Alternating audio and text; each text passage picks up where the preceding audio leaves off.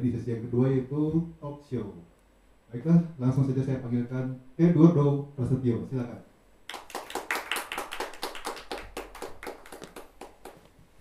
Oke, bagaimana nih kabarnya? Baik, baik. Baik-baik ya setelah konser ya. Baik, baik. Nah, gini dok. Eh, jadi tadi menarik sekali ya melihat permainan Tero itu eh, memainkan lagu-lagu dari eh, Brazil ya. Terlebih dari itu juga ada lagu Indonesia-nya dan lain sebagainya gitu. Sebetulnya sekarang kan lagi marak ya mengenai fingerstyle. Hmm. Nah, mau tanya nih, sebetulnya kalau ada eh, orang bilang kalau belajar musik itu dari musik klasik dulu, jadi kalau belajar gitar itu dari gitar klasik dulu. Nah, itu eh, memang baik adanya atau itu hanya mitos? Gimana dok? Eh, menurut saya sih itu eh, lebih baik ya. Maksudnya karena lebih baik dalam arti eh, dia lebih metodis gitu. Karena metodenya udah ada, udah ada step-stepnya gitu loh. Sebenarnya kalau belajar fingerstyle itu kan fingerstyle sendiri yang mau dipelajarin eh, fingerstyle yang mana? Maksudnya fingerstyle sendiri eh, definisinya apa gitu? Maksudnya eh, basic-basicnya pun juga sebetulnya sama kayak gitar klasik. Jadi eh, menurut saya sih lebih baik mulai dengan sesuatu yang lebih jelas dulu baru ntar kalau belajar yang lain tinggal eh, jadi lebih fleksibel gitu. Oh iya, jadi eh, mungkin karena gitar, karena musik klasik mungkin sudah lebih dahulu established mungkin ya. Ya jadi eh, mungkin ya betul. Jadi kan juga metodenya udah ada dan em, eh, belajarnya jadi lebih ada step by stepnya. Gitu. Jadi lebih sebetulnya tinggal ikutin aja gitu ya, lebih mudah sebetulnya ya. Ya jadi setelah itu baru kalau mau ngembangin lagi ke fingerstyle mungkin yang sebetulnya juga sama-sama aja tekniknya mungkin ada ada lebih banyak efek-efek perkusinya baru bisa di eh, baru tinggal di, dipindahin aja gitu tinggal berubah gitu jadi kan udah bisa kan dasarnya udah bagus Tinggal shifting ya. Tinggal shift, Kalau istilah ini ya zaman Ya, sekarang ya. betul, betul, betul. Baik. Nah, eh, mungkin mengenai dasar-dasar bermain gitar klasik itu seperti apa sih sebetulnya dasar-dasarnya kurang lebih gitu? Sebenarnya kalau dasarnya main gitar klasik pertama pasti eh, cara duduknya dulu jadi cara duduknya yang benar eh, pakai footstool habis itu belajar em, eh, teknik tangan kanannya teknik tangan kanan dulu eh, open string ganti apa paling penting juga em, eh, tangan kanannya eh, selalu ganti jari jadi nggak pakai jari yang sama terus eh, lalu tangan kirinya gitu jadi basic-basicnya itu sebenarnya habis itu kalau misalnya udah bisa main melodi single melodi ntar main eh, iringannya juga jadi kayak ada atas dan bawah gitu yang sebetulnya juga ya fingerstyle sudah juga begitu sama aja Sebetulnya Nah, ya. sebetulnya Nah, eh, mengenai itu berarti cara duduk tangan kiri dan tangan kanan ya. Ini menarik nih, kebetulan beberapa di sini ada yang guru gitar nih. Seringkali kan ya kita mengalami masalah gitu, begitu murid kita kenakan, yuk ini coba pakai footstool nih, nah sering pegel-pegel tuh. Nah, kira-kira kenapa tuh kita harus pakai footstool mungkin bisa sharingkan gitu. Hmm, sebenarnya kan tujuannya footstool supaya tulang belakang nggak sakit. Jadi kalau misalnya kita mainnya nggak pakai footstool kan eh, kakinya rata. Kalau kakinya rata kan gitarnya kan tiduran begini kan, tidurnya vertik, eh, vertik eh, horizon- horizontal kan. Jadi kitanya punggungnya jadi maju ke depan. Jadi kalau kita punggungnya maju ke depan, makin lama kan bengkok. Nah, dengan adanya footstool jadi naik, jadi pinggangnya lurus, kakinya bengkok. Enggak. Ah, jadi sebetulnya kalau kalau kakinya eh, kalau duduknya benar eh, rasa sakitnya datangnya ya setelah 8 jam latihan. Wah, setelah Jadi- 8 jam ya. Jadi kalau eh, kayak gitu kurang lebih. Jadi kalau udah 30 menit ke atas itu berarti Nah, itu salah tuh atau mungkin belum kuat kali ya. Iya. Iya iya.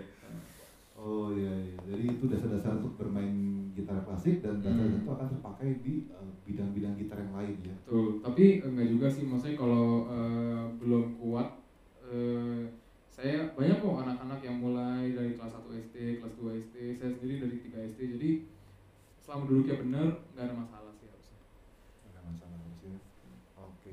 Nah, terus eh, ada lagi nih mengenai kan bermain gitar klasik tuh kayaknya wah eh, lama dan sebagainya gitu. Tapi apakah betul harus lama gitu? Atau sebetulnya ada metode latihan yang tepat gitu untuk zaman sekarang atau gimana gitu mungkin kan selalu berkembang ya Hmm. gitu. Ap-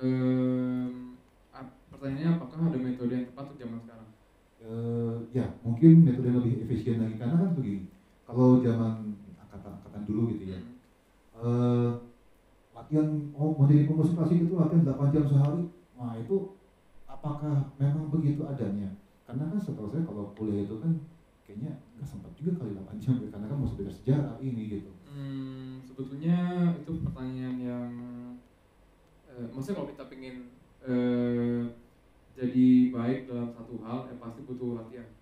Latihannya pasti butuh banyak. Jadi, nah pertanyaannya latihan mesti 8 jam itu eh, relatif lah. Jadi per- eh, mes- apa dulu yang mau diraih dalam dalam dalam dalam latihan itu? Kalau misalnya dalam 4 jam udah selesai ya ngapain latihan 8 jam? oh Jadi hidupnya kan kan hidup tidak hanya latihan. wah luar biasa sekali kan- bijak sekali Saya kan mesti keluar juga dari ruangan.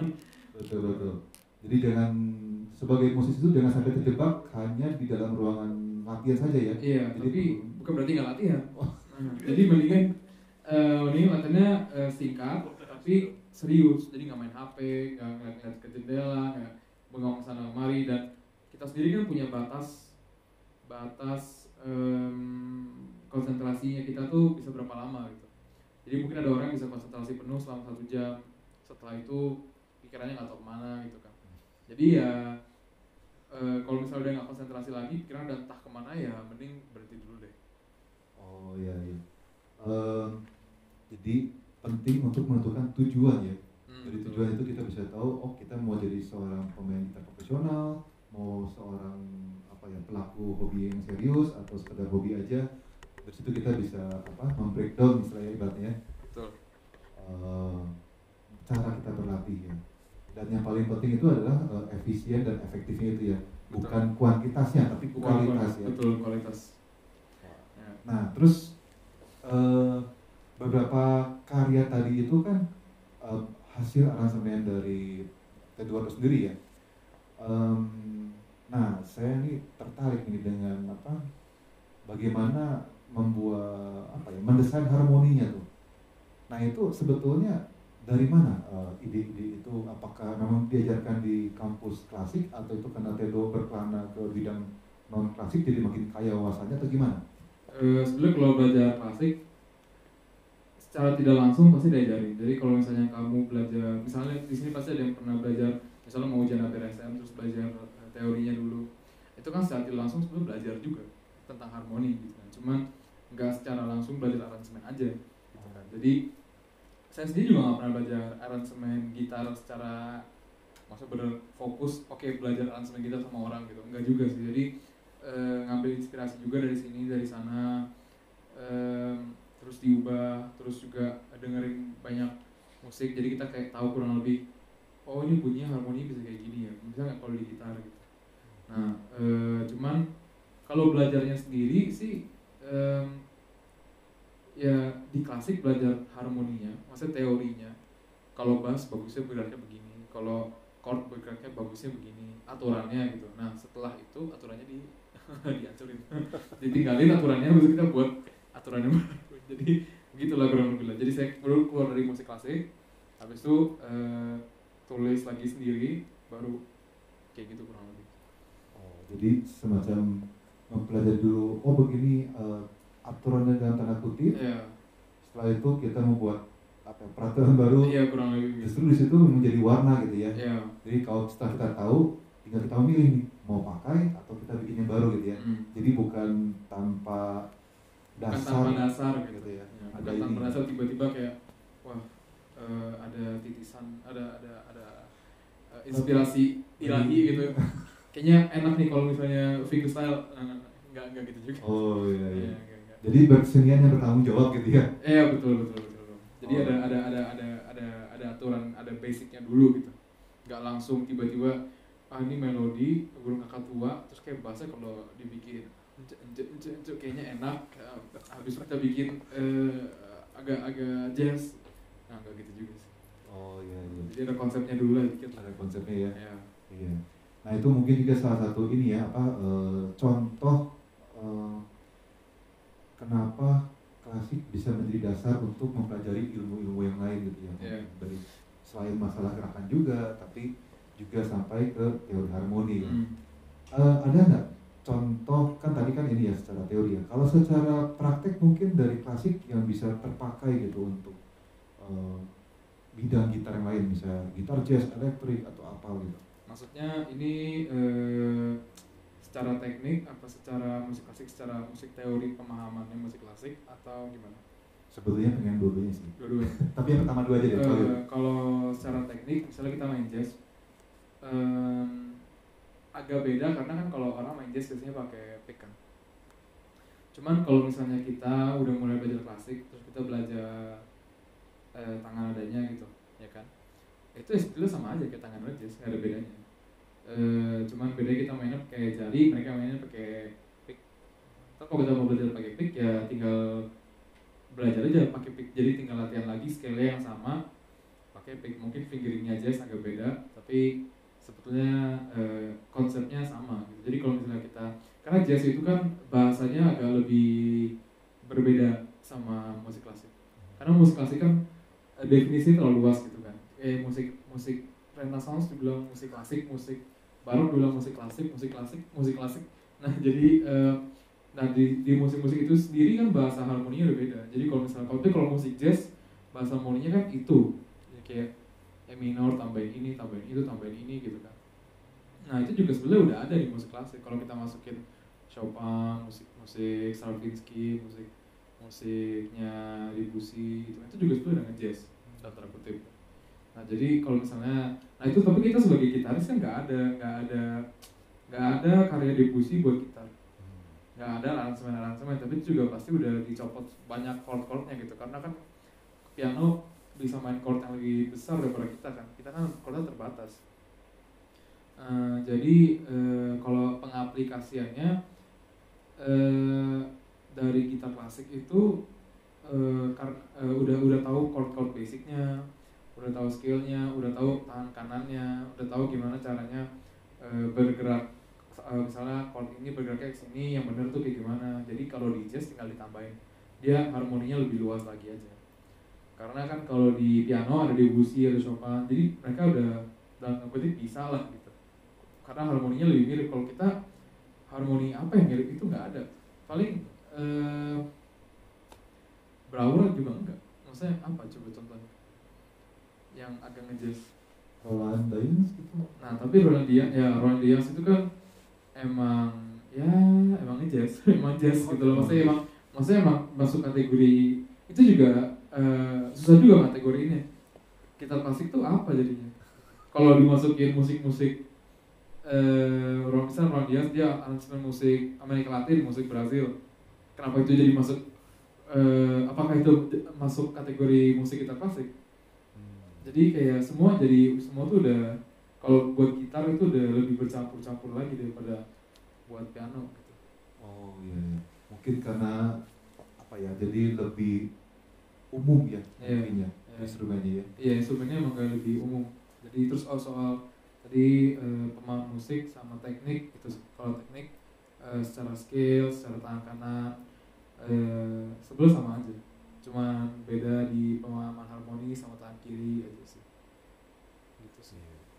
jadi itu teknik dan eh, teori musiknya ya Betul betul. contoh dari klasik itu sebetulnya bukan barang yang berbeda jauh ya dengan jazz dan sebagainya bukannya tapi mirip cuma beda bahasa aja gitu beda bahasa aja jadi Oh, beda iya, bahasa iya. sebenarnya dasarnya semua sama jadi kayak musik barok musik klasik semua kan dasarnya sama sebetulnya Eh, kalau Mario mau pindah tiba-tiba dari musik misalnya kita harus belajar sor belajar Giuliani belajar bahan-bahan ABRSM terus ada yang pindah fingerstyle ya chordnya ya itu itu aja cuma beda tangan kanannya mungkin cara mainnya gimana beatnya beda tapi sisanya ya sama sebetulnya Nah, menarik tadi mengenai apa zaman barok gitu ya. Eh, saya pernah dengar nih, katanya kalau di kuliah musik, kuliah musik jazz itu katanya mahasiswa musik jazz itu juga dia belajar mengenai musik barok katanya ya.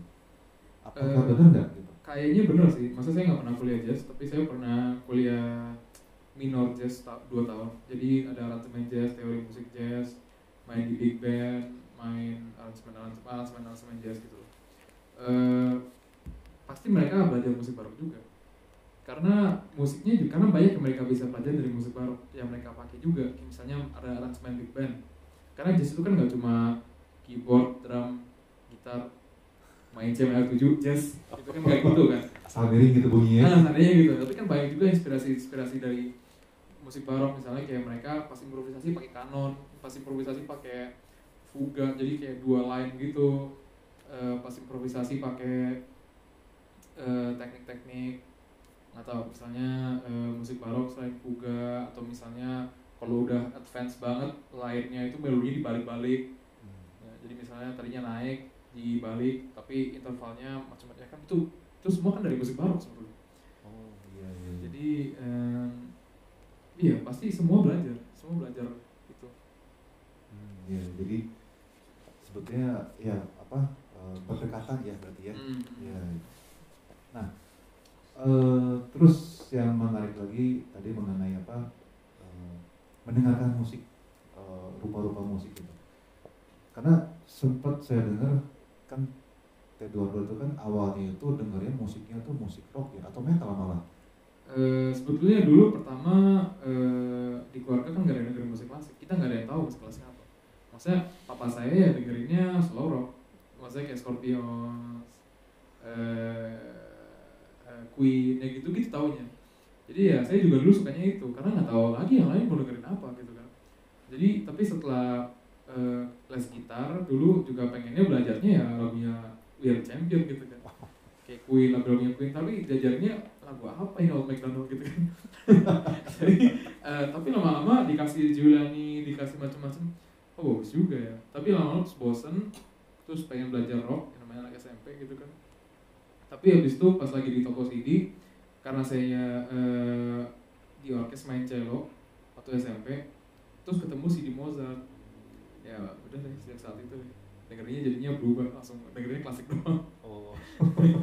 gitu Jadi Tedo sejak SD sudah mengenal Queen ya, iya udah jauh sebelum Bohemian Rhapsody ya filmnya iya, ya. iya, sebelum ada film-film ini sudah kenal dulu udah ya. tahu lah ya. Wah, luar biasa. Nah, eh, terus kalau sekarang nih, eh, Tedo eh, nggak usah sekarang deh. Beberapa waktu belakangan ini, mungkin setahun dua tahun ini ke belakang ini, eh, musik-musik seperti apa yang Tedo sering dengarkan gitu? Karena terus terang tadi lagu-lagu awal itu, wah ini lagu judulnya apa nih? Wah ini pengarangnya pernah dengar sih, tapi kayak gimana ya? Kok Hmm, bisa sampai gitu gitu? eh, sebetulnya kalau satu dua tahun belakangan ini tahun ini saya lagi banyak banget main musik Brazil karena eh, saya lagi main eh, jadi saya di Berlin kan kotanya internasional gitu ya jadi banyak banget pendatang-pendatang dari berbagai macam negara gitu. Nah terus eh, saya itu beli instrumen Brazil namanya bandolin. Bandolin itu kayak mandolin. Mandolin itu kayak kayak gitar tapi kecil kayak ukulele ukurannya. Tapi tuningannya tuningan eh, jadi setemannya seteman biola. Jadi kalau eh, udah pernah belajar biola main itu tuh kayak campuran antara gitar dan biola tapi mainnya pakai fret. Jadi mainnya begini gitu nah saya kan pernah main biola pernah main cello tuningannya sama. Nah saya juga main gitar. Jadi saya pikir ah ini mantep nih. Nah Three jadi one gitu ya? Ah, jadi ya, three in one terus biasa mandolin setarnya 8 nah setar 8 tapi eh, dua dua dua gitu. Jadi di double kayak loop gitu lah. Jadi kalau di gitar contohnya kayak E E B B G G D D gitu. Jadi kayak senar kayak gitar senar 12 Oh iya, iya. Nah. betul. nah cuman ini senarnya A eh, E eh, kalau dari atas E E A A G eh, E E A A D D G G nah terus ini bandolin ini punya saya agak spesial karena ada lagi tambahannya C senarnya 10 dia tambah C jadi itu itu nah itu seteman cello campur seteman biola di satu instrumen Oh. Nah, jadi karena saya jadi banyak main lagu itu, banyak main musik sama orang-orang Brazil, terus eh, saya beli lagi instrumen cavaquinho itu kayak ukulele juga. Beneran ini persis persis kayak ukulele, sebenarnya empat, tapi tuningannya tuningan gitar. Oh. Tapi eh, senar satunya dituning jadi D, bukan jadi E. Hmm. Tapi senarnya kan kalau ukulele nylon, ini senarnya besi, Hmm. jadi bunyinya lebih nyaring. Nah, jadi karena banyak main lagu-lagu Brazil, jadi saya pikir ya udahlah main buat konser solo, tapi lagunya musik Brazil Brazil aja dulu gitu. Nah, sebelumnya musik flamenco sebelumnya lagi musik India India gitu Oh. jadi eh, dan musik-musik jazz juga karena dulu waktu SMP SMA saya enam tahun dengerinnya eh, klasik doang. Oh. jadi butuh hiburan gitu. Butuh apa melihat dunia luar dunia ya? luar gitu. Dulu karena dulu kan karena main di orkes kerjaannya. Jadi ya dengerinnya ya Beethoven simfoni apa terus eh, Mozart simfoni apa opera gitu. Jadi bukan jadi ya jarang dengerin dan dan musik gitar klasik juga tapi nggak seintens itu gitu Jadi karena faktor lingkungan juga ya yang membuat eh, Tedo eh, apa ya luas ya Hmm, repertoarnya ya, ya. gitu ya. Oke.